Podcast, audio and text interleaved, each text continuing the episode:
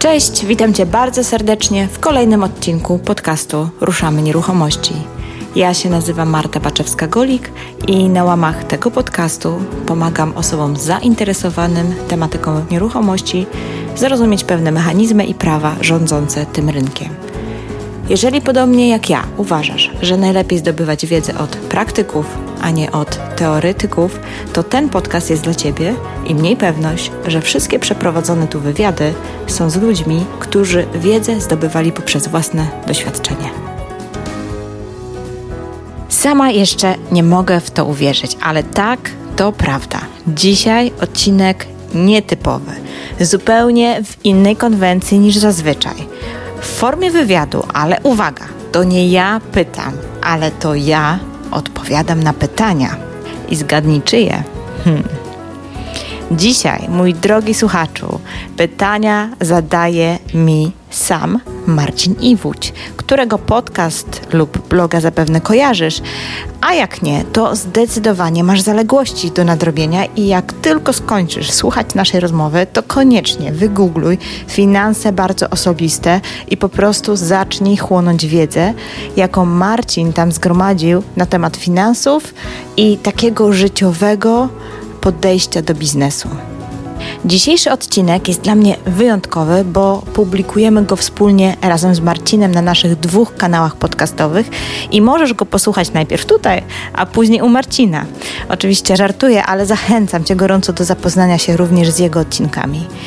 Zanim przejdziemy do rozmowy, to jeszcze tak krótko, w kilku zdaniach powiem, że ta rozmowa jest dla mnie bardzo osobista. Rozmawiamy oczywiście o nieruchomościach, ale dzielę się w niej również moimi wpadkami, no, o których niekoniecznie lubię opowiadać. Dlatego jestem bardzo ciekawa Twojej reakcji, Twojej opinii, bo chyba nie miałeś jeszcze okazji mnie poznać właśnie z tej strony na łamach tego podcastu, bo to z reguły ja stoję po tej drugiej stronie barykady i to ja próbuję jak najwięcej wycisnąć z mojego rozmówcy, zadając mu pytania, a tym razem to Marcin mnie naprawdę przemaglował z pytaniami. Czuję takie lekkie podekscytowanie i delikatną niepewność na to, jak ty, mój słuchaczu, moja słuchaczko, odbierzesz właśnie ten odcinek ale gdzieś głęboko wierzę, że z moich doświadczeń wyciągniesz lekcje wartościowe dla siebie. Dlatego zapraszam, zapraszam serdecznie do wysłuchania naszej rozmowy. Cześć Marta. Cześć, cześć Marcin, witam Cię bardzo serdecznie. Dziękuję, że przyjęłaś zaproszenie do mojej audycji. Na początku ogromna prośba, tradycyjnie jak pewnie w każdym podcaście, w którym uczestniczysz, opowiedz naszym słuchaczom, kim jesteś i czym się zajmujesz. I zawsze mi się wydaje, że to jest najłatwiejsza część programu, a to wcale nie jest tak łatwo w dwóch, trzech zdaniach e, powiedzieć. Trzeba Wiesz co, przez bardzo długi czas, przez bardzo długi czas odpowiadałam takim zdaniem, że pomagam ludziom znajdować ich domy marzeń lub inwestycje Aha. marzeń. E, bo od wielu lat prowadzę własną agencję nieruchomości i faktycznie e, no, zrobiłam trochę już tych e, transakcji i pracowałam zarówno z takimi no, normalnymi ludźmi, którzy szukają nieruchomości dla siebie, ale też już coraz częściej i coraz bardziej, coraz więcej pracuję e, z inwestorami, którzy tam poszukują no, po prostu dobrej inwestycji słowo pomagam już e, stawia cię w bardzo dobrym świetle i już sprawia, że ja się szeroko e, uśmiecham, ale powiedz troszkę więcej, jak zaczęła się ta twoja przygoda z nieruchomościami. Wiesz co, no pewnie nie będę oryginalna, ale gdzieś tam na studiach wiele lat temu przeczytałam książkę Roberta Kiyosaki, który jest, wtedy dopiero on się zaczynał pojawiać na naszym rynku, bo to były takie lata 2000 E, dwa, trzy, coś w tym stylu, więc y, jeszcze nie był tak spopularyzowany jak, jak, jak jest teraz. Natomiast faktycznie wpadła mi w rękę ta, ta książka i tak sobie pomyślałam, a żeby była jasność, studiowałam politologię, więc zero związku z... Coś z zupełnie innej beczki. tak, zupełnie coś innego, ale wtedy sobie to przeczytałam i tak sobie pomyślałam, wow, jakby było fajnie być takim rentierem, takim inwestorem, nie? I gdzieś tam te marzenia moje się rozbudziły i faktycznie na studiach kupiłam swoją pierwszą nieruchomość. E, trochę przy pomocy e, zdolności kredytowej moich rodziców, no bo wiadomo, jako studentka nie miałam jeszcze zdolności kredytowej. E, I ta pierwsza nieruchomość była taką, taki, taką moją szkołą życia, bym powiedziała, bo zarówno na niej dużo zarobiłam, ale też popełniłam sporo błędów i też mi uratowała nie wiem, czy mogę użyć tego słowa, ale uratowała mnie, wyprowadziła mnie z tarapatu w pewnym momencie po moim kolejnym super biznesie, którym, którym udało mi się wtopić naprawdę dobre pieniądze. E, więc ta pierwsza nieruchomość była taka dla mnie symboliczna, ale to, co najbardziej mi dała, to, że um, jakby to powiedzieć, pokazała mi, że faktycznie w nieruchomościach są pieniądze. Że warto jest je mieć, bo jak ich nie masz i masz po prostu w topę na poziomie kilkuset tysięcy, to warto mieć w swoim portfelu jakieś nieruchomości, żeby się ratować w razie co. I fajnie, jak to nie jest twój własny dom. Jasne. E, to było kiedy mówisz? 2002 2003 Ja, ją, ja kupiłam później? tą nieruchomość w 2003, natomiast e, ta, ta, tą wtopę zaliczyłam gdzieś w 2006, 2007, 2006, nie? Więc, Czyli e, minęło, więc, tak. minęło kilkanaście sobie... lat po, powiedz tak troszkę, przybijając do przodu, gdzie jesteś dzisiaj? Jak dzisiaj wygląda ten twój, nie wiem, portfel inwestycji, nieruchomości, to czym się zajmujesz? Jasne. E, powiem ci tak, przez wiele lat później się zajmowałam właśnie pośrednictwem, więc e, zrobiłam mnóstwo transakcji, obracając czyimiś nieruchomościami. W międzyczasie obracałam swoją gotówką i kupowałam różne rzeczy. Miałam, e, nadal mam zresztą w swoim portfelu ziemię, też e, zajmowałam się skupowaniem wierzytelności i też jeszcze mam jakieś wierzytelności w swoim portfelu. Mam też oczywiście jakieś mieszkania i tak dalej, i tak dalej. Natomiast fakt jest faktem, że w pewnym momencie zauważyłam, że wcale nie trzeba mieć własnych nieruchomości, żeby na nich fajnie zarabiać. O, to A, bardzo ciekawe. Tak, to wcale nie jest to konieczne. Oczywiście nie mówimy wtedy o zarabianiu pasywnym, o dochodach pasywnych, a jest to pewnego rodzaju praca i zarabianie, ale jest to um, zarobek w stosunku do, do, do włożonego wysiłku, czasu pracy i tak dalej, jest naprawdę, no, no ma się nijak. Jakbym w normalnej pracy miała zarobić e, te pieniądze, chodząc tak normalnie na etat, no to naprawdę bym musiała mieć albo bardzo wysokie stanowisko, albo po prostu harować no, przez całe dnie. Mhm. E, więc, e, więc zauważyłam, że w nieruchomościach jest dużo różnych możliwości i niekoniecznie musisz zarabiać, znaczy niekoniecznie musisz inwestować swój własny kapitał, żeby zarobić fajne pieniądze. Po prostu. To w jaki sposób dzisiaj inwestujesz w nieruchomości? Wiesz co, dzisiaj jestem na takim etapie, mm, że tak, wyspecjalizowałam się w tych metodach właśnie zarabiania na nieruchomości, a dzisiaj jestem już na takim etapie, że chciałabym żyć z pasywnych dochodów tylko i wyłącznie. E, więc jestem na etapie budowania takiego portfela który, nieruchomości, które po prostu będą mi zdawać całkowicie stały przepływ gotówki bez e, takiego angażowania czasowego.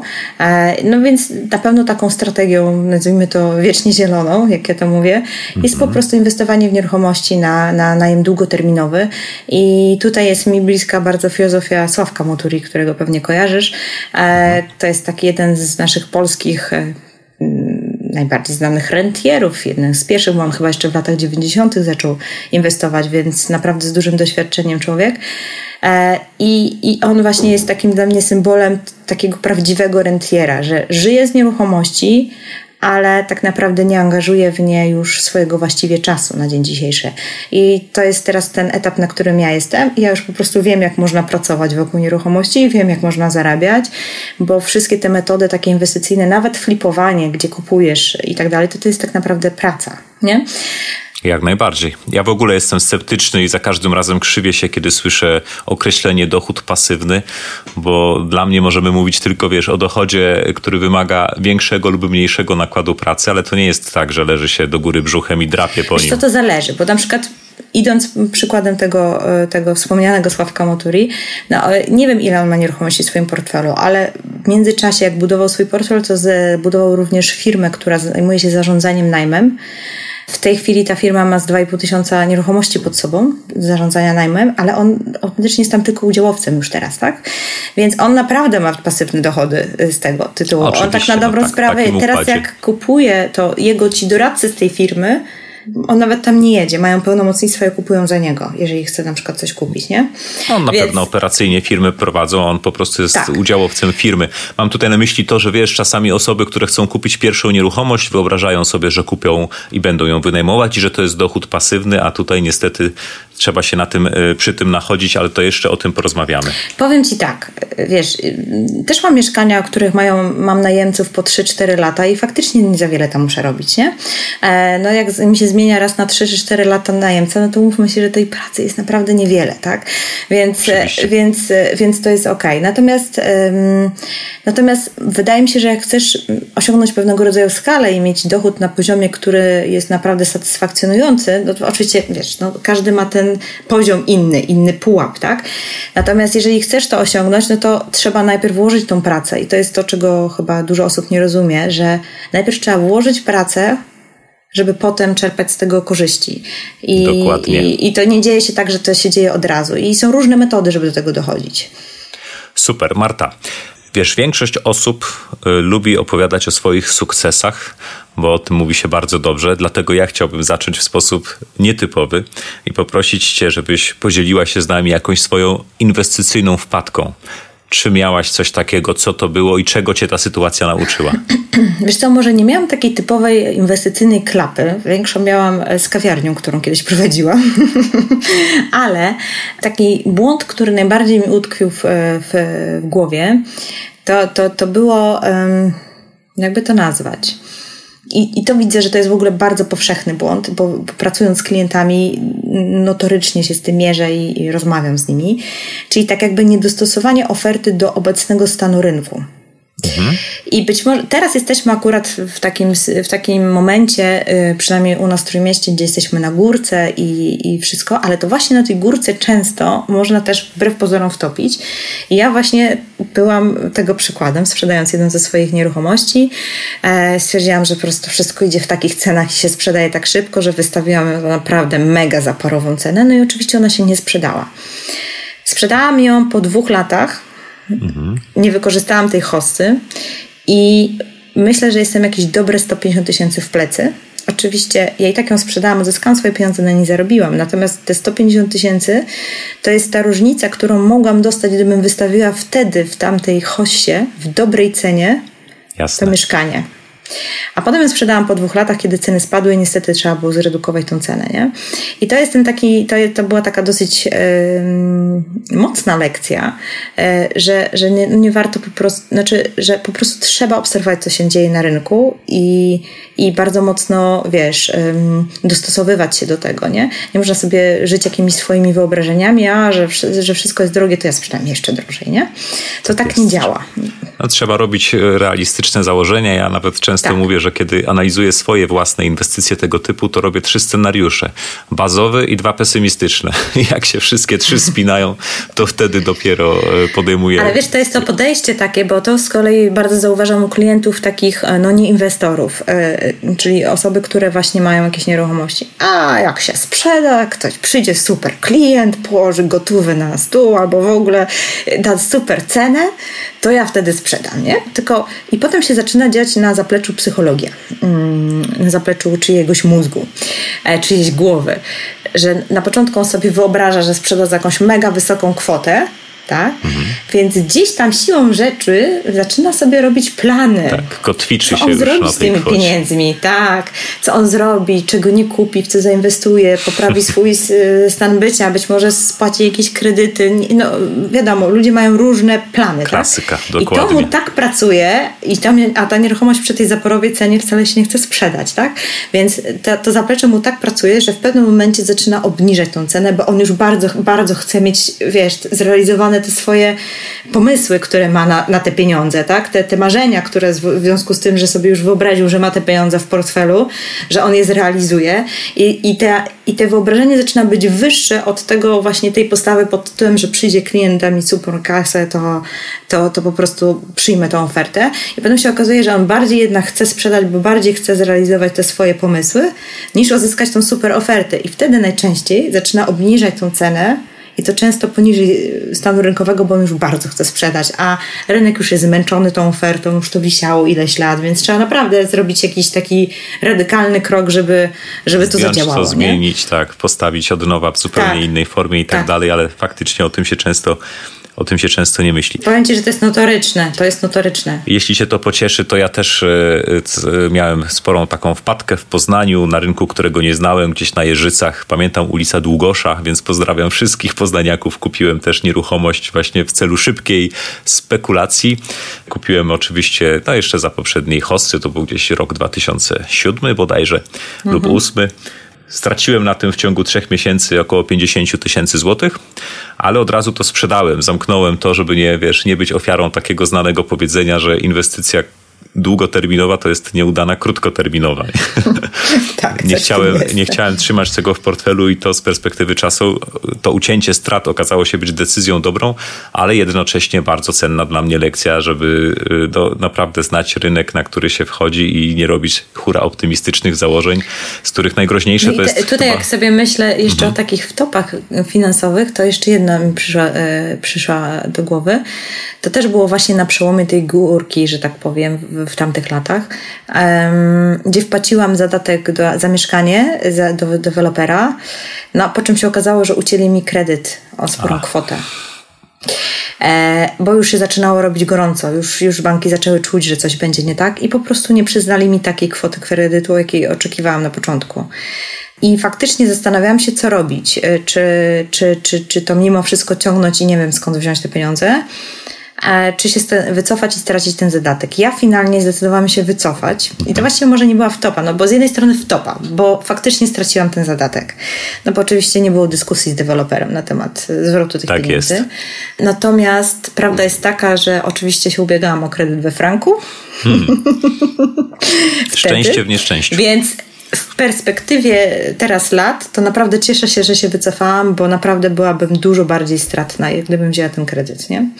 Także, także, także no takie e, na pograniczu, ale to też pokazuje, że czasami lepiej jest odpuścić na to, jeżeli ci się wydaje, że dużo tracisz, niż, e, niż brnąć, nie? I, I jak to korzystać z przysłowia tonący brzytwy się chwyta. Tak jest. I, I najważniejsze. I jeszcze bardziej się pogłębiać, nie? Wyciągać wnioski z tych błędów i tak w ogóle to fajnie, jak one tak. zdarzają się w miarę na początku, bo później można z tych doświadczeń czerpać pełnymi garściami.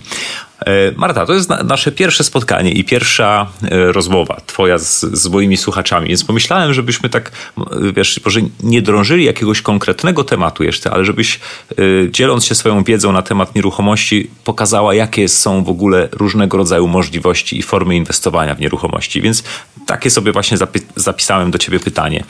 Jakie w ogóle są możliwe formy inwestowania w nieruchomości?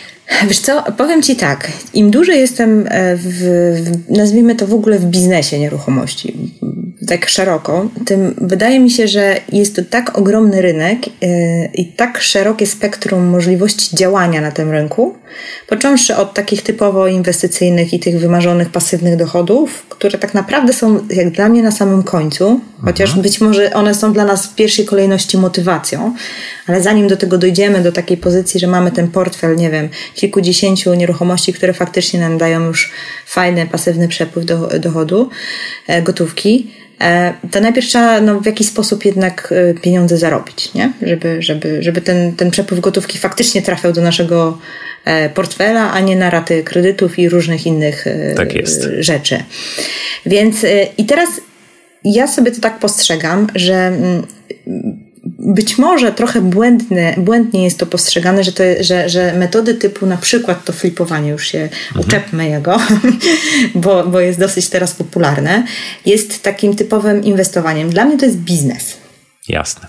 To dobra, to poczekaj, jeszcze zanim, zanim jeszcze może wejdziemy, tak żeby mhm. uporządkować jakoś w głowie naszym słuchaczom, e, takie formy inwestowania. No to mamy tak, najem długoterminowy, najem krótkoterminowy, prawda? Tak flipowanie, o Chociaż którym... najem krótkoterminowy też jest biznesem. Tak jest, teraz właśnie sobie myślę, że fajnie będzie mm. o tym mhm. chwilę porozmawiać. Flipowanie, o którym już zaczęłaś mówić, co jeszcze tam y, mogłabyś wymienić z takich rzeczy, z którymi miałaś do czynienia? Bo ty szeroko na to patrzysz.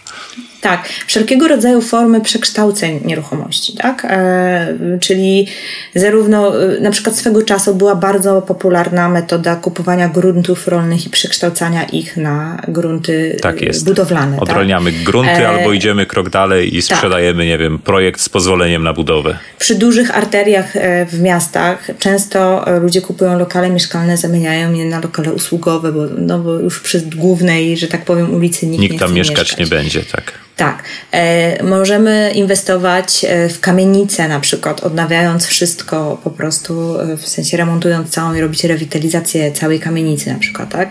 Możemy, możemy wziąć się za deweloperkę, nawet jeżeli to jest, e, nie wiem, budowa na przykład na początek bliźniaka, to już jest to forma deweloperki, tak? Mhm. E, także te wszystkie formy, formy są, natomiast one są wszystko takie, dla mnie, ja jednak mimo wszystko trochę przez to, że tak takiego na początku przeczytałam, mhm. to ten kwadrant I na samym końcu, co jest, to jest dla mnie inwestor, właśnie już taki tak. inwestor, który jednak daje środki, tak. I one, i, i, i, gdzie pieniądze pracują dla ciebie, tak? To jest to kluczowe zdanie. te wszystkie formy, o których mówimy, to są formy oczywiście inwestowania, ale mimo wszystko one się kończą biznesem. To jest praca, nie? To jest prowadzenie swojego biznesu. Mhm. Tak, no bo jeżeli chcesz się bawić w deweloperkę, no to yy, sorry, ale no tam jest sporo rzeczy do ogarniania, nie?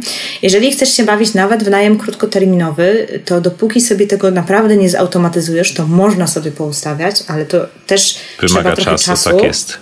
I żeby to się opłacało, trzeba wprowadzić skalę, bo nie zautomatyzujesz sobie w takiej formie bez swojego angażowania i za, żeby zarabiać na tym, jak masz dwie czy trzy nieruchomości, nie? Mhm. Jak masz ich 40-50, no to w tym momencie już jest możliwość, bo w tym momencie budujesz zespół i tak dalej, i tak dalej, tak? Więc e, przy, przy małej skali ta automatyzacja e, no to może ci odjąć trochę pracy, będziesz mniej zaangażowany, ale mimo wszystko jednak musisz się zaangażować i poświęcać swój czas, nie? Mhm. Więc e, jeżeli te wszystkie formy tego typu, które mimo wszystko angażują twój czas, wrzucimy do worka, że to jest też inwestowanie, e, no to jest ich bardzo dużo. Natomiast jeżeli jednak stwierdzimy, że to jest jednak w tym kwadrancie biznes, tak to tych form na inwestowanie w nieruchomości, e, taki, taki faktycznie, gdzie pieniądze zarabiają, nie ma aż tak wielu, bo tak naprawdę to jest najem albo lokali komercyjnych, albo lokali e, mieszkalnych. Tak, tak.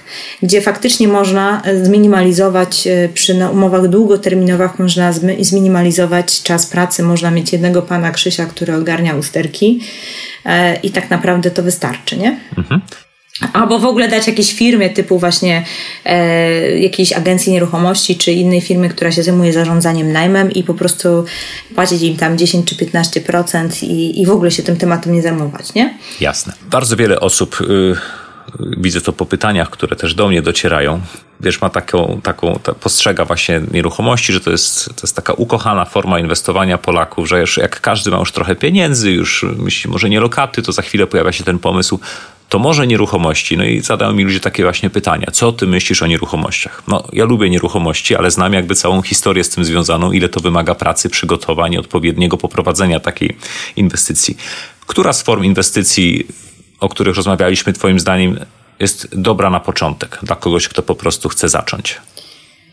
Wiesz co, ja, ja wiesz, patrząc na krzywą Maslowa, jednak zawsze najlepiej jest inwestować w dobra pierwszej potrzeby.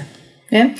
E, I to będzie taka, jeżeli jesteś inwestorem na zasadzie takim, że na przykład masz super swoją pracę, albo swój jakiś biznes i po prostu zastanawiasz się, co zrobić z nadwyżkami finansowymi, gdzie ulokować, no bo w banku już tak średnio się na lokatach opłaca, no to pewnie nieruchomości, y, które będą w dobrej lokalizacji, gdzieś blisko centrów miast, y, niedużej wielkości, bo, bo, bo też trzeba wziąć pod uwagę, że inwestując e, w nieruchomości na najem długoterminowy, tak jakby płacimy za nieruchomość od każdego metra. Mhm. Cena nieruchomości wzrośnie z każdym metrem, nawet jeżeli to jest długi przedpokój, tak? Ale to nie, czynsz proporcjonalnie do tego nie rośnie. Także Jasne. wcale się nie opłaca kupować długich, dużych mieszkań, I, chyba, że czy jest będziemy jakaś robić najem optymalna, na Jakaś optymalna, twoim zdaniem, powierzchnia mieszkania na wynajem, takiego Co? pierwszego? W jakich granicach ty byś szukała Myślę, takiej to nawet może być kawalerka. To nawet może być kawalerka. To trzeba sobie naprawdę dobrze policzyć stopy zwrotu, bo jeżeli dzisiaj mogę kupić kawalerkę gdzieś na południu Polski za, nie wiem, załóżmy 150-160 tysięcy w jakichś takich e, mniej znanych miejscowościach. I na przykład wezmę za nią 1000 zł, a w Gdańsku kupuję kawalerkę za 250 tysięcy i biorę za nią 1300, to mimo wszystko bardziej się opłaca kupić tą za e, tańszą. Jak to sobie wszystko skalkulujesz, policzysz roje, wkład własny i tak dalej, i tak dalej.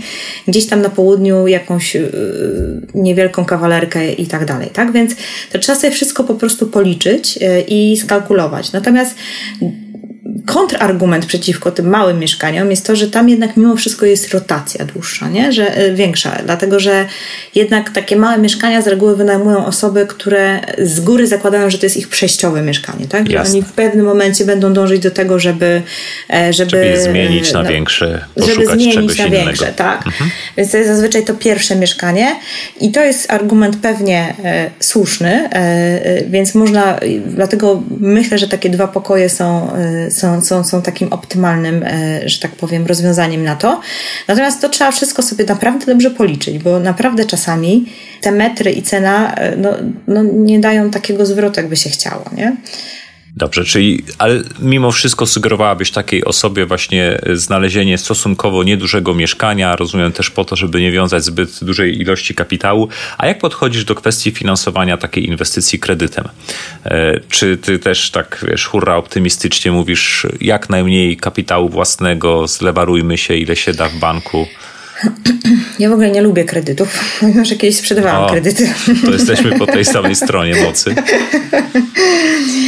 Ale to chyba też wyniosłam z domu, wiesz, bo mój tata to był taki człowiek, który bank miał zawsze w kieszeni i naprawdę nie uznawał. Aczkolwiek, no gdyby nie kredyt, to, to pewnie jakieś nieruchomości bym nie kupiła, więc moim zdaniem trzeba do kredytu podchodzić jak do narzędzia które trzeba użyć, kiedy jest faktycznie konieczne do użycia, e, ale nie na siłę i też nie jestem fanką e, kupowa- e, zadłużania się na maksa, takiego w sensie kupowania, wiesz, teraz są naprawdę różne strategie, kombinacje, żeby po prostu ominąć ten obowiązkowy wkład własny. Tak. I i to też nie jest droga. To też nie jest droga do tego, bo później jest naprawdę duży stres. No coś się wysypie, ktoś się jeszcze, no, wiesz, Zwłaszcza jeżeli nie masz dobrej pracy, takiej, która naprawdę ma dobre, e, w razie co pokryje ci te raty kredytu, nie? Jasne. E, albo jakichś innych e, możliwości spłacania tych rat, gdyby się coś tam, był jakiś przestój i tak dalej. Na przykład teraz ostatnio moi najemcy mi zdali mieszkanie, no i było naprawdę w kiepskim stanie. No po prostu musiałam zrobić miesiąc przerwy i je wyremontować najzwyczajniej w świecie, tak? No tak bo jest. nie dało się tak go tylko odświeżyć, tak? No ale byli tam ileś lat, więc gdzieś tam ten, ten remont się zwrócił mimo wszystko. No Natomiast no, mimo wszystko no, ten przestój był. I teraz, gdybym miała tam kredyt taki, który, którego nie jestem w stanie spłacać, a mam tam kredyt akurat na tym mieszkaniu, no tylko, że nie ma dla mnie problemu, żeby wyrazić co to, ten miesiąc pokryć tą ratę, no to by był problem, nie? Jasne. I teraz sobie wyobraź, że to było przy jednym mieszkaniu, a gdy ci się to dzieje, masz na przykład mieszkań 30 i na przykład 5 czy 10 ci masz przestój akurat w danym momencie, nie? Więc, e, więc tak to jest, nie? Także, także tak samo przy na przykład um, niektórzy przyjmują takie strategie, które są najmu, które są tak jakby cykliczne, czyli wynajmują tylko studentom na przykład na pokoje mieszkania. Jasne, czyli październik, czerwiec, wtedy to mieszkanie jest tak. obłożone, w wakacje stoi puste. I teraz, i teraz, i teraz właśnie, jeżeli nie wymyślisz coś z tymi, co z tymi wakacjami, albo, bo wiem, że w niektórych miastach pod, um, studenci płacą przez cały rok, ale nie wszędzie, więc to trochę zależy od twojego rynku lokalnego. No jeżeli nie wymyślisz czegoś na te wakacje, czyli albo nie wrzucisz tam turystów, albo jakiegoś innego, no to masz raptownie 10 mieszkań i 10 rat.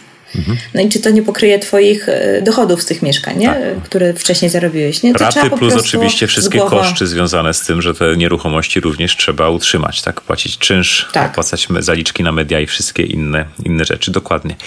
Czyli tak jak mówisz, liczymy kalkulator i podejście jednak ostrożne, a nie takie hurra optymistyczne. Tak, tak. Myślę, że fajnie jest mieć w portfelu kilka nieruchomości, które są kupione po prostu za gotówkę. spłacone, bez obciążonych, bez obciążeń, nie? Tak jest. Które po prostu będą twoim backupem, nie? Ale aczkolwiek myślę, że warto łączyć to, bo jednak faktycznie kredytowanie i w ogóle finansowanie zewnętrzne daje ci tą dźwignię i Jasne. dzięki temu możesz się szybciej rozwinąć. Tak jest, tylko trzeba po prostu mieć przygotowaną odpowiedź na pytanie, co jeśli spełni się ten scenariusz pesymistyczny, ile miesięcy wtedy będę w stanie wytrzymać, co wtedy zrobię, prawda? Często ludzie o tym nie myślą, a to jest tak naprawdę naprawdę kluczowy element y, analizy takiej, e, takiej inwestycji. Wiesz, ja, ja jak otwierałam swoją kawiarnię, miałam taki epizod też w życiu, to też mi się wydawało, że będzie wszystko super, nie? I że w ogóle za rok to będziemy mieli kawiarnię Sieć. na całym świecie. Tak jest. Startup no ale jednak to nie wyszło. To jest po prostu jakiś taki optymistyczny mm, stan umysłu. Nie wiem na czym to polega, ale to pewnie jest zbadane e, e, naukowo. Ten, ten, ten taki podejście do ryzyka. Tak? tak? I też ostatnio w ogóle nagrywałam ja z kolei bardzo ciekawy wywiad w swoim podcaście z profesorem Zielonką, który jest, no, zajmuje się psychologią biznesu. O, Piotr Zielonka od właśnie... finansów behawioralnych, tak? Tak, tak. A, bardzo I rozmawialiśmy osoba. o podejściu, bardzo, bardzo fajny. W ogóle, no naprawdę to jedna z, z ciekawszych moich y, rozmów y, takich podcastowych. I właśnie to, to ryzyko też, e, to, to podejście nasze do ryzyka zmienia się z, z, z, tą nagrodą, nie? Więc jeżeli my sobie wyobrażamy, że ta nagroda będzie nie wiadomo jaka wielka, tym jesteśmy bardziej skłonni zaryzykować. Więc, więc to wszystko zależy, kto jaką ma wyobraźnię i jak sobie tam policzy te najbardziej optymistyczne scenariusze E, i nie weźmie pod, pod uwagę tych właśnie mniej optymistycznych, to później właśnie no, no ulega takim emocjom. Tak jest. W ogóle generalnie, powiem Wam szczerze, że y, tak sobie myślę, że inwestowanie to jest bardzo fajna szkoła takiego oddzielania, um, oddzielania emocji od, od, od nieruchomości, bo, bo nieruchomości generalnie generują dużo emocji. E, I bo to są jednak domy, tak? Tam się wychowaliśmy, urodziliśmy, w ogóle tam pełno różnych historii naszych, sentymenty i tak dalej, i tak dalej. I my, Polacy zwłaszcza, mam wrażenie, że mamy takie duże przywiązanie do tego domu, że dom jest po prostu taką dużą wartością emocjonalną dla nas. A z drugiej strony najczęściej nieruchomości są też takim największym majątkiem rodziny, takim największym. Zdecydowanie tak. Po latach to często aktywem, jedyny, tak? bo jakoś inne pieniądze rozchodzą się na różnego tak. rodzaju większe i mniejsze Dokładnie. za przeproszeniem. Z tymi pierdoły. poduszkami oszczędnościowymi to wiesz, jak to bywa. To pewnie ty wiesz więcej niż ja na ten temat.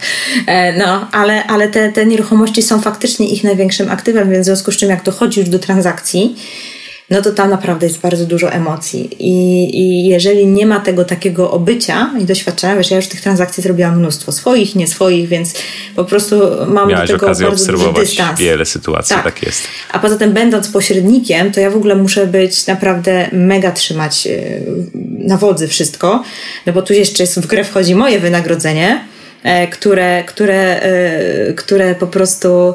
E, no zależy wiesz, od tego, no, czy transakcja się domknie. Czy transakcja wyjdzie, czy nie. I wiadomo, jak byłam początkującym pośrednikiem, to też ulegałam tym emocjom, bo to nie jest łatwe, nie? Ale z czasem, z praktyką się na, nauczysz, uczysz, że po prostu gdzieś tam to w ogóle od, oddzielasz, skupiasz się na transakcji i wiesz, że nagroda przyjdzie później, tak?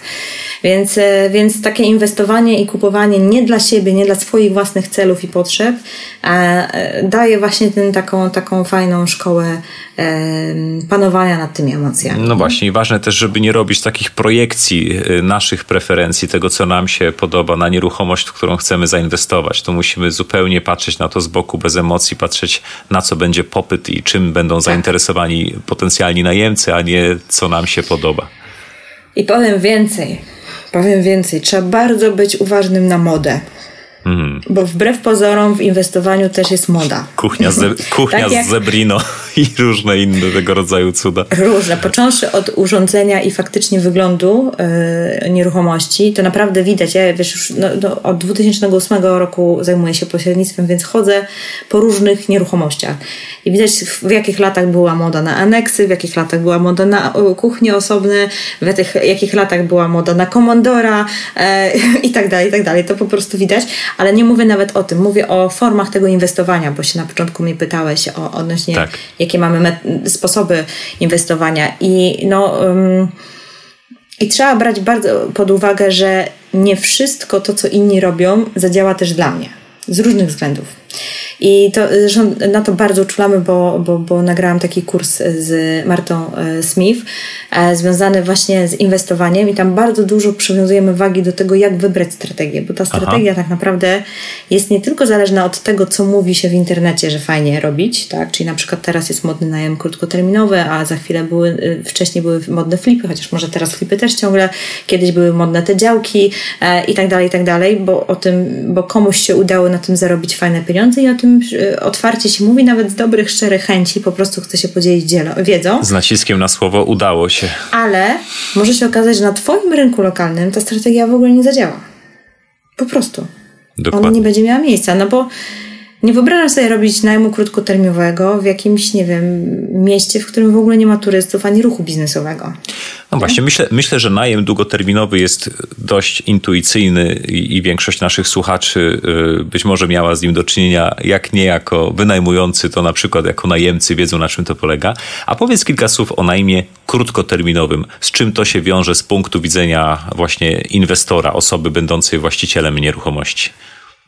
Ja akurat e, swego czasu dosyć mocno się tym zajmowałam, dlatego że, e, że po prostu obsługując e, moich klientów, którzy mieli, kupowali na inwestycje nieruchomości i to byli właśnie faktycznie inwestorzy, którzy nie chcieli się tym zajmować, tak? czyli inwestowali chcieli, żeby ta nieruchomość dla nich pracowała, to ja im robiłam tak zwaną obsługę i zarządzaniem tym najmem i ponieważ to były nieruchomości głównie w Sopocie, no to idealne miejsce. Wiadomo, trójmiasto, tak, więc, e, turyści. Tak. I jeszcze w dodatku Sopot, to wszystko w samych jakichś takich centrum, gdzieś blisko Mąciaka i tak dalej, więc to były naprawdę fajne nieruchomości pod najem krótkoterminowy e, i faktycznie to fajnie szło. Tylko, że też trzeba wziąć pod uwagę, że ten rynek się zmienia i się przede wszystkim nasyca. Mhm przez te wszystkie lata, na przykład w Trójmieście, naprawdę weszło na rynek bardzo dużo tych apartamentów.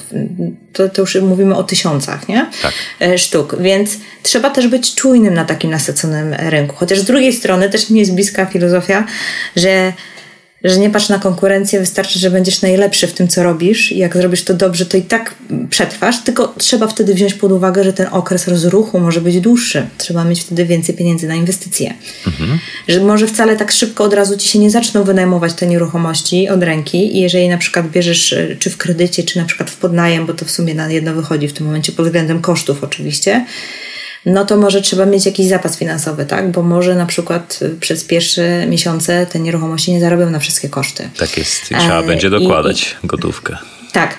I to trzeba wziąć pod uwagę i trzeba naprawdę zrobić dobre badanie rynku. Mhm. Nie?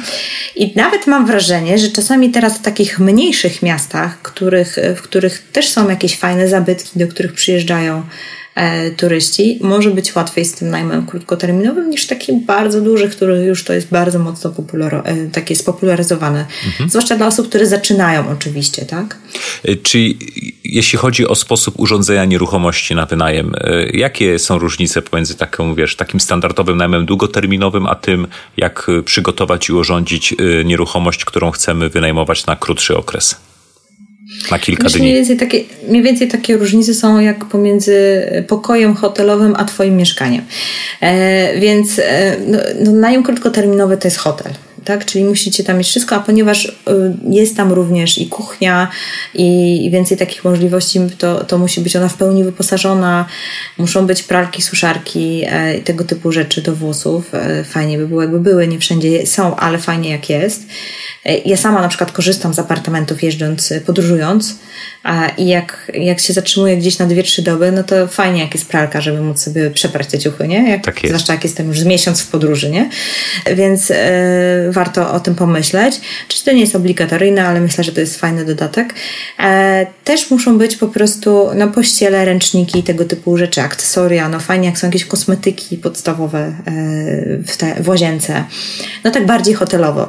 Jeżeli chodzi o najem długoterminowy, no to czasami nawet wydajesz puste mieszkanie. Tak naprawdę Oczywiście. wystarczy, że będzie urządzona, e, urządzona kuchnia i łazienka, w sensie zabudowy, tak? E, I często. I już znajdą nawet, się klienci z własnymi meblami. Tak, lokatorzy mają swoje tak meble, meble mhm. tak. Więc e, tyle nie musi być tego, ale no wiadomo, jak jest chociaż jakaś kanapa, czy w salonie szafy na przykład, jeżeli, zwłaszcza jeżeli mówimy o jakichś zabudowach stałych i tak dalej, no to myślę, że przede wszystkim powinny być przy długim najmie stałe zabudowy, tak? No bo wiadomo, że tego e, nikt wam tego nie zrobi, a, a najemca będzie potrzebować gdzieś trzymać swoje ubrania, nie? Najem krótkoterminowy, z tego co mówisz, to po pierwsze większe nakłady na wyposażenie tego lokalu, prawda? On musi raz, że dobrze wyglądać, dwa, faktycznie mieć sobie wszystko po to, żebyśmy pewnie dostali tak. też dobrą, o, dobrą ocenę. Mhm. Z moich, y, że tak powiem, doświadczeń wynika tak, że naprawdę nie można żałować na remont. Jeżeli kupujesz nieruchomość i remontujesz i z myślą o najmie krótkoterminowym, to wszystkie instalacje muszą być naprawdę mega dobrze zrobione. Nie, nie, słuchajcie, bo na bank się popsują I to w najmniej oczekiwanym momencie, kiedy za godzinę przyjeżdżają ci następni goście i w ogóle już masz nóż na gardle, a po prostu, nie wiem, wywaliło kanalizację, tak? To naprawdę nie są fajne doświadczenia.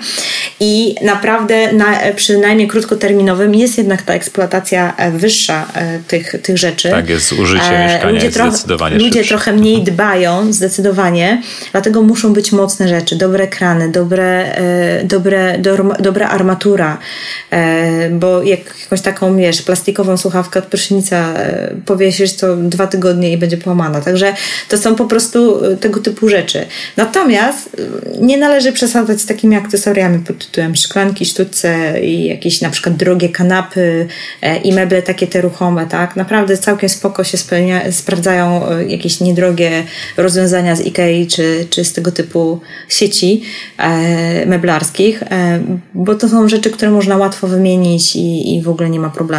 I one też nie są problematyczne w, trak w trakcie wymiany. Natomiast jak robisz remont, bo zainwestować w takie mieszkanie, to naprawdę zrób go solidnie instalacje elektryczne, że korków nie wywalało, bo czasami ludzie potrafią wpiąć w kuchni wszystkie możliwe urządzenia, jakie przywiozą ze sobą. No po prostu to musi być dobrze zrobione, nie? I potem to są problemy, bo wiesz, wywala korki i ci dzwonią o północy, nie? że nie ma prądu. A, a, a po prostu weszło wszystko na jeden obwód. Twój pasywny prostu, najem nie? robi się mega aktywny. A powiedz tak. proszę, y, jeśli chodzi o źródło, z którego trafiają takie osoby do twojego apartamentu, to jakiś booking.com, tego typu portale? Wiesz co, tak. Na pewno Booking.com jest e, takim portalem, który ma najszerszą reklamę mhm. i, i faktycznie, natomiast Booking jest też jednym z najdroższych portali. Chyba 15% warto, z definicji trzeba tak. im na dzień dobry odpalić, prawda? Więc warto, i to jeszcze w dodatku 15% to jest stawka wyjściowa. Tak. Jak chcesz, wiesz, jak w Gdańsku jest tysiąc apartamentów i chcesz, żeby ktoś cię na tym Bookingu zobaczył, to musisz wyróżnić musisz swoje się zacząć tam pozycjonować, a pozycjonowanie polega na tym, że podnieść musisz prowizję, którą im zapłacisz. Więc, e, więc e, zaczyna to być mało, mało opłacalne. Więc dlatego warto korzystać z innych również e, źródeł, z innych portali. Są portale też polskie, które na przykład, o, to jest fajne doświadczenie. Ostatnio taki case miałam a propos najmu. Rozmawiałam, mamy taką grupę mastermind, którą prowadzimy kilka osób i jeden z uczestników mówi, że ma mieszkanie w Kościelisku. No bo niby fajne miejsce, nie? Takie mhm. mega turystyczne i tak dalej. I że ma na bookingu i że w ogóle nie idzie, że w ogóle nie ma rezerwacji. Ja mówię, no niemożliwe, nie? No ale tak zaczęliśmy się zastanawiać i ja mówię do niego, wiesz co, bo, bo booking jednak jest międzynarodowy. I prawdopodobnie ci yy, znaki nie weszły. Zagraniczni, zagraniczni yy, turyści no nie bardzo wiedzą, że kościelisko. Oni będą wpisywać Kraków, nie? Oni będą wpisywać ewentualnie Zakopane. Zakopane, tak, ale nie kościelisko. Tak, ale nie kościelisko. I mówię, wiesz co, spróbuj wejść na portale polskie. I na przykład OLX całkiem fajnie zaczął działać. E, tam jest taka sekcja noclegi. E, co prawda jeszcze jest mało zautomatyzowana i trzeba to ręcznie obsługiwać, w sensie obsługiwać, odpisywać na pytania i tak dalej, ale pewnie to jest kwestia czasu. Ale są też portale typu nocowanie.pl, e, Holiday i tak dalej. I tam warto też być, bo właśnie ci polscy turyści często korzystają z tego, e, z tego portalu. No i oczywiście jest słynne Airbnb, ale mam wrażenie, że polscy turyści jednak z tego Airbnb aż tak bardzo nie korzystają, dlatego że tam muszą oni płacić prowizję. Mhm. A jednak Polak lubi oszczędzać i on zarezerwuje przez OLX, gdzie nie ma dodatkowych kosztów, niż, niż jakby miał zapłacić prowizję dla Airbnb, nie? Ale Airbnb jest fajny dla zagranicznych gości, nie? Tak jest. Istnieje taka y, często słyszana przeze mnie, więc pewnie często powtarzana, chociaż może się mylę, opinia, że y, ponieważ ten najem krótkoterminowy jest wprawdzie bardziej wymagający, no ale on jednak daje nam wyższą rentowność niż najem długoterminowy. Y, co ty na to? To prawda. To prawda. No, Jak istotne wiesz, są tu no, różnice? E, wiesz co, w przypadku na przykład takiego mieszkania, powiem Ci tak, zwykłe mieszkanie w bloku dwupokojowe, e, gdzieś tam na dzielnicy takiej blokowiskowej, ale w dobry, dobrze zlokalizowane na Żabiance w Gdańsku, średnio wynajmiesz za jakieś tam, nie wiem, no już jak masz dobrze zrobione, to jak za te 1800, mówimy o takim małym mieszkaniu, hmm. typu 38 metrów, tak? Jak wynajmiesz za te 1800 zł przy długim terminie, no to to jest maks, nie? Mhm. A, a my średnio już obliczając sezon niski i, e, i ten wysoki, czyli letni, e, na czysto po utrąceniu wszystkich kosztów wychodzi około 3000 na czysto, nie? Więc ale to też ta, przy założeniu faktycznie dość no, Ale to już mówię o średnio intensywnego o średnio, używania tego mieszkania, nie? Mhm. Uśredniając, tak, uśredniając, że tak powiem, zarówno, bo wiadomo, że latem ten zysk jest zdecydowanie wyższy. Te 3000 mówisz już po odjęciu kosztów związanych no, z chociażby z kosztów obsługi. Kosztów obsługi. Jasne. Nie, bez kosztów remontów, ale akurat jeszcze nie remontowaliśmy tego mieszkania, Dobrze. więc ono cały czas pracuje. Nie? A co wchodzi w skład, yy, znaczy co wchodzi w zakres takich usług, obsługi takiego, takiego najmu? Jakby ktoś chciał i po prostu Wiesz zlecić co? to zewnętrznej firmie? Wbrew pozorom najwyższym kosztem jest pralnia. Mm, ręczniczki, pościel. tak. E, sporym kosztem jest pralnia, może nie najwyższym, ale sporym kosztem jest pralnia i sprzątanie. Więc generalnie te usługi sprzątania. Bo y, kwaterowanie można sobie już dzisiaj zautomatyzować i już standardem są skrzyneczki na klucze, które są tak. powieszone, że ktoś, że klienci dostają kod i, i po prostu się sami kwaterują, że, że, że nie trzeba tam jeździć. E, ale, e, ale to sprzątanie, no to wiadomo, no albo sam to zrobisz, co twój czas pracy też no, zależy na ile wycenisz, tak? Albo musisz wziąć jakąś, e, jakąś panią do sprzątania, albo firmę sprzątającą, która która będzie to ogarniać, więc to są tak naprawdę najwyższe koszty. No i takie zużycie, wiadomo, no jeżeli zapewniamy jakieś kosmetyki i tak dalej, no to to trzeba uzupełniać, to są tak zwane te koszty zmienne, tak, w zależności od, od, y, od obłożenia. No ale koszty sprzątania też są kosztami zmiennymi, nie? Oczywiście. Także, także, Zależą także... od tego, czy wynajęliśmy, czy nie. Mhm. Dlatego na przykład często e, przy apartamentach spotykasz takie oferty, że minimum na trzy dni, nie? No tak. albo, albo minimum na dwie noce, że na jedną dobę na przykład nie chcą wynajmować. E, no bo faktycznie w tym momencie zaczyna się to przestawać opłacać, jak musisz za sprzątanie zapłacić i tak dalej, i tak dalej, nie? No super. Myślę, że to jeden też z tematów bardzo ciekawych na taką już dłuższą analizę, wiesz, pokazanie konkretnego przypadku, liczb, rentowności innych rzeczy, więc pewnie w przyszłości, o ile w komentarzach do tego odcinka podcastu nasi słuchacze dadzą znać, że ten temat ich interesuje, ale coś mi mówi, że tak, to, to rozkminimy temat najmu krótkoterminowego. A opowiedz jeszcze y, trochę o flipach, bo to też takie popularne określenie i e, też dosyć modne. E, masz również doświadczenia w tym zakresie. Wspomniałaś już, że to jest tak naprawdę praca czy prowadzenie co, biznesu. Powiem Ci tak, ja zrobiłam kilka flipów swoich własnych prywatnych, ale z reguły unikałam remontu. Czyli faktycznie wchodziłam w, w, bo flip nie, zazwyczaj się wiąże z remontem. Ja, ja kupowałam nieruchomość, która była naprawdę poniżej wartości rynkowej, udawało mi się znaleźć taką okazję, to w to wchodziłam i najczęściej nie remontowałam, tylko od razu sprzedawałam. Dobra, wyjaśnijmy Natomiast... tylko, y, tak sobie pomyślałem, na wszelki wypadek. Flip, czyli kupujemy nieruchomość tanio i sprzedajemy jak najszybciej, drożej tak, to jest tak naprawdę handel nieruchomościami. Można by tak powiedzieć po polskiemu bardziej, bo to jest z, angielskiego zaczerpnięte słowo, chociaż mam mm, koleżankę, która jest szkoleniowcem i jak jej, jej to nie mówię, no bo wiesz, to flipy, to tamto, on mówi, ale, ale jak? Co, co, co ty z tymi flipami? O co chodzi? Ja mówię, no, no wiesz, że mieszkanie kupujesz taniej, drożej sprzedajesz. Ja mówię, ja mówię, Marta, flipping to jest rysowanie na flipcharcie. A, no tak.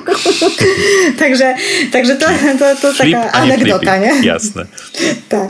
Także, także, także to jest y, takie sformułowanie, które gdzieś tam w żargonie inwestorów już weszło do słownika, aczkolwiek faktycznie nic nie mówi y, osobom, które nie są w temacie. E, generalnie chodzi o to, żeby kupić nieruchomość, która jest albo poniżej wartości rynkowej, albo nawet jest mm, za normalną cenę, ale ma potencjał do tego, żeby że ty możesz z tej, nieruchomości, z tej nieruchomości, nieruchomości zrobić coś, co dodaje wartości i e, w efekcie końcowym będzie droższa i sprzedaż i na tym zarobisz. E, czyli na przykład, nie wiem, kupujemy mieszkanie, e, nie wiem, jakąś dużą, wyjątkową, dużą kawalerkę i robimy z tego dwa pokoje, tak? I już sprzedajemy jako dwa, dwupokojowe, fajne mieszkanie i jest tu ta wartość dodana, że wcześniej była to jakaś duża kawalerka, z którą nie wiadomo było co zrobić, tak? Tak jest, jakimś to jakiś taki jeden z przykładów, tak? Nieustawnym rozkładem za... i tak dalej. Mhm. Niekoniecznie chcę tylko zaznaczyć, że niekoniecznie to musi być nieruchomość jakoś gigantycznie poniżej wartości e, rynkowych. Jeżeli masz ten zmysł i potrafisz po prostu z nieruchomości zrobić coś więcej, co, co będzie tą wartością dodaną, to jest, to jest super. Na przykład też dosyć popularne jest robienie takich flipów, czyli przerabianie mieszkań na tak zwane gotowce inwestycyjne. Czyli na przykład y, ktoś kupuje nawet normalne mieszkanie, ale dzieli je w ten sposób na pokoje, że podnosi y, przy założeniach najmu z osobna każdego pokoju, rentowność tej nieruchomości bardzo wzrasta, tak? Czyli stopa zwrotu jest wyższa. E, I na przykład, e, pomimo, że kupił po w miarę tam normalnej cenie, to przez to, że to tak zaaranżował i jeszcze w dodatku znalazł najemców, to jest duża szansa, że znajdzie inwestora, który po prostu sobie kupi taki gotowiec. Że to już będzie mu funkcjonowało i to będzie miało tam rentowność na poziomie 10 czy 12% i on będzie zadowolony, nie? Czym taki gotowiec różni się od zwykłego mieszkania na wynajem? Wiesz co, no z, z reguły to jest tak, że te mieszkania są przygotowane pod wielu najemców, tak? Czyli są na przykład dorobione dodatkowe łazienki, e, no one się nie, da, nie, na, nie za bardzo nadają do zwykłego mieszkania. Zamki tak? poko do pokojów, y, jakieś tego typu rzeczy? E, tak, pokoje są osobno zamykane. E, też one się charakteryzują tym, że te pokoje są maleńkie. Mhm. Bo chodzi o to, żeby w tej powierzchni jak, jak najwięcej, tak jak generalnie dla siebie, to my zazwyczaj szukamy mieszkań, które mają przestrzeń. Tak, przestrzenne, a, a tam, tam, tam tej przestrzeni za bardzo nie ma, bo tam jest po prostu wykorzystany każdy skrawek. Robią nawet tak, że, że, że, że wyrzucają kuchnię na przykład do przedpokoju i robią taki mini aneks kuchenny, żeby, żeby po prostu z tego pomieszczenia kuchennego zrobić dodatkowy pokój i tak dalej. Więc to różne tania, sposoby. Tania noclegownia po prostu. Tak, z reguły te pokoje się wynajmują albo studentom, albo osobom y, takiej, które mają pierwszą pracę, gdzie jeszcze nie mają tych zdolności kredytowej, ale też nie stać ich na wynajem całego mieszkania. Po prostu, jeszcze to nie jest ten pułap. Są na początku drogi, ale, ale już chcą samodzielnie mieszkać. Mhm. Czyli to Także też to, to jest rentowność, już powiedziałaś tutaj przykład konkretnych stóp rentowności szybuje do góry, no ale to też wymaga odpowiednio większego nakładu pracy, prawda? Takie... Tak, ja znam takich inwestorów, teraz taka, jako taka ciekawostka. Ostatnio byłam na, na, na Investcampie i poznałam tam człowieka, który z kolei kupuje takie duże mieszkania w kamienicach e, po, po 150 metrów, dzieli je również na pokoje, tylko pokoje przygotowuje pod kwaterowanie Ukraińców, robotników, ma podpisanych z kilkoma agencjami e, umowę, więc oni prawie że Agencje pracy tymczasowej, które zatrudniają tak, pewnie tych pracowników. Które ściągają pracowników do różnych tam zakładów. No i on potrafi kwaterować po nawet 6 osób w jednym pokoju. Biorąc 400 zł, 400-500 zł od osoby. Więc e, mhm. jak masz takich pokoi 8, no to taka inwestycja naprawdę bardzo szybko ci się zwraca, nie? Tylko to, to już jest kwestia, i nie wchodzę w kwestie etyczne, tak? I jakieś tam morale i tak dalej. Bo Ale to też pokazuje, wiesz, jak, jak, jak ważne jest to dostosowanie y, nieruchomości do potrzeby rynku i takie biznesowe myślenie, że inwestowanie tak, w nieruchomości... Jak mówi, wiesz, bo ja mhm. z jednego pokoju biorę 3000, to ja myślę sobie, jak 3000? Jakim cudem? no właśnie, no to takim cudem właśnie.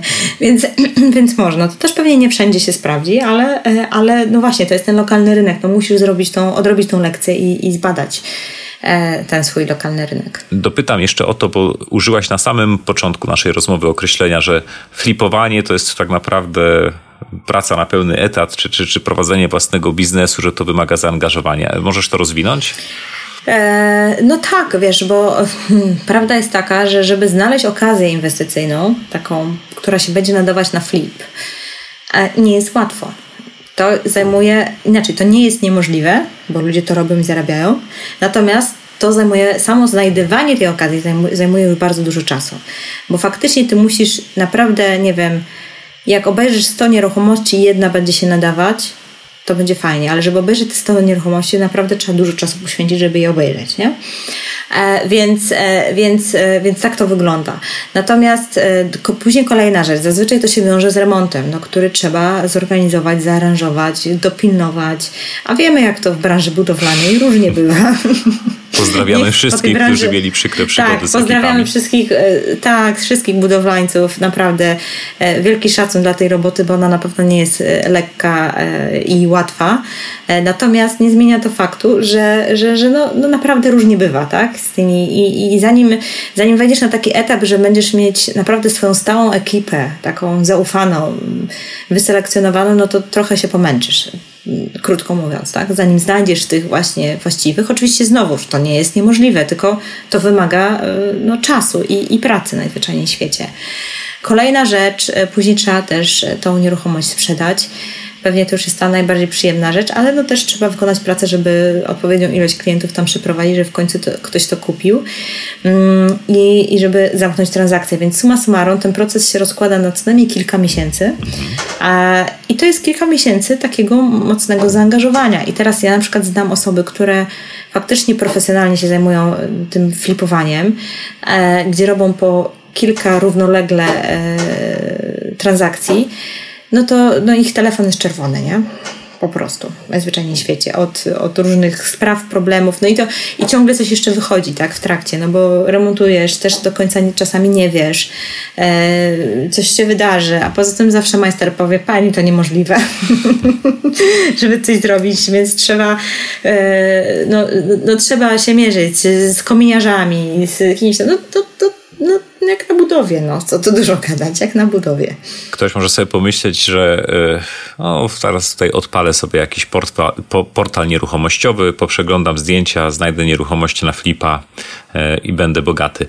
Jak w praktyce wygląda poszukiwanie takiej sensownej nieruchomości? Wiesz co, ja ci powiem tak, dlaczego ja na przykład nie, nie, nie robię flipów? Może zacznę od tego i przepraszam, że nie odpowiem teraz na to pytanie, co mi zadałeś, bo, po, bo powiedziałeś, że odpalę portal i, i, i zarobię dużo pieniędzy. No, pytanie jest, co dla kogo jest dużo? Ja z obserwacji, bo rozmawiam z, dużo, z dużą ilością inwestorów yy, i widzę, że taka średnia kwota zarabianiu na, e, takiego zarobku na, na flipie jest około 30 tysięcy złotych w tak. Polsce. Jeśli nie? rozłożymy to na kilka dobrych miesięcy, to okazuje się.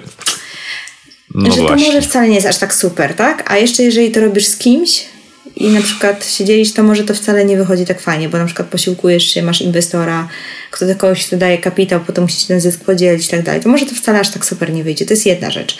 Druga rzecz, też, też mam, tak jak mówię, no ja się wyspecjalizowałam w... I, I czasami jest tak, że ja na przykład znajduję czasami coś fajnego i odstępuję to i biorę za to na przykład, nie wiem, 10 tysięcy złotych, ale wolę mieć te 10 tysięcy złotych i mieć święty spokój, iść dalej i znaleźć kolejne, nie? E, niż na przykład no, e, bawić się w remonty i tak dalej. Aczkolwiek, tak jak mówię, są osoby, które uwielbiają tą robotę, tak?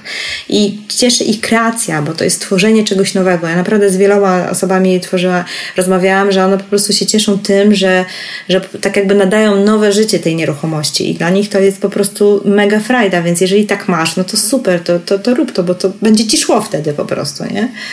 Także ten. I teraz się wybiłam z pytania, które mi zadałaś, przepraszam. Pytałem się o to, pytałem się o to, jak takiej nieruchomości szukać, tak? Jak naprawdę A. skutecznie jej poszukiwać. Wiesz co, dzisiaj to po pierwsze trzeba być pierwszym. Mhm. Nie?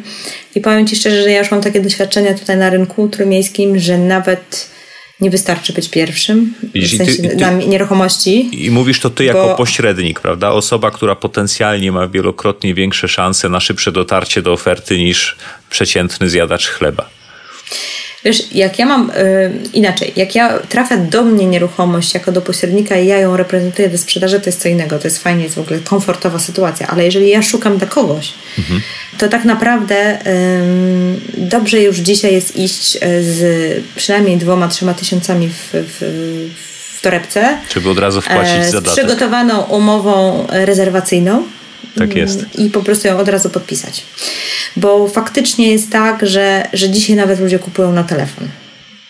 Jak jest dobra cena, dobra oferta, to wytrawni inwestorzy, którzy już znają rejon, znają, obejrzeli tam 200 nieruchomości w tych blokach, oni dokładnie wiedzą, jak one wyglądają, znają układy, nie muszą iść znowu oglądać tego mieszkania, bo dokładnie wiedzą, że 38 metrów w tej i w tej dzielnicy, w takim, w takim bloku, to wiedzą, jak wygląda, wiedzą, zrobili tam 15 remontów, wiedzą, co będzie trzeba wypróć, co będzie, wiesz, potrafią sobie szybko skalkulować, nie?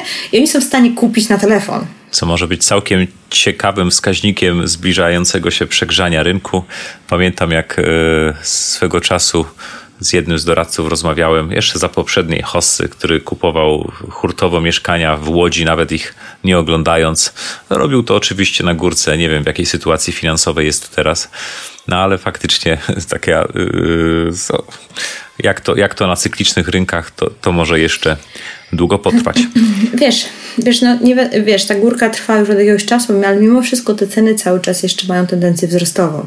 Więc, e, więc to, no ale pytanie, jak długo to potrwa, pytanie, czy co spowoduje, e, czy w ogóle coś spowoduje, czy na świecie się zadzieje coś takiego jak w tym 2008 E, z Lehman Brothers, czy, czy nie, bo to, to wszystko jest, są, to jest po prostu, wiesz, naczynia połączone i powiązane, że ty jesteś finansistą, to, to, to, to, to tak naprawdę chyba ja powinnam Ciebie zaprosić do podcastu i powinniśmy porozmawiać o, o, tym, kiedy górka się skończy. To jest w ogóle fajny pomysł na, na rozmowę i czy się skończy. To ja od razu ja Ci odpowiem jednym e, słowem.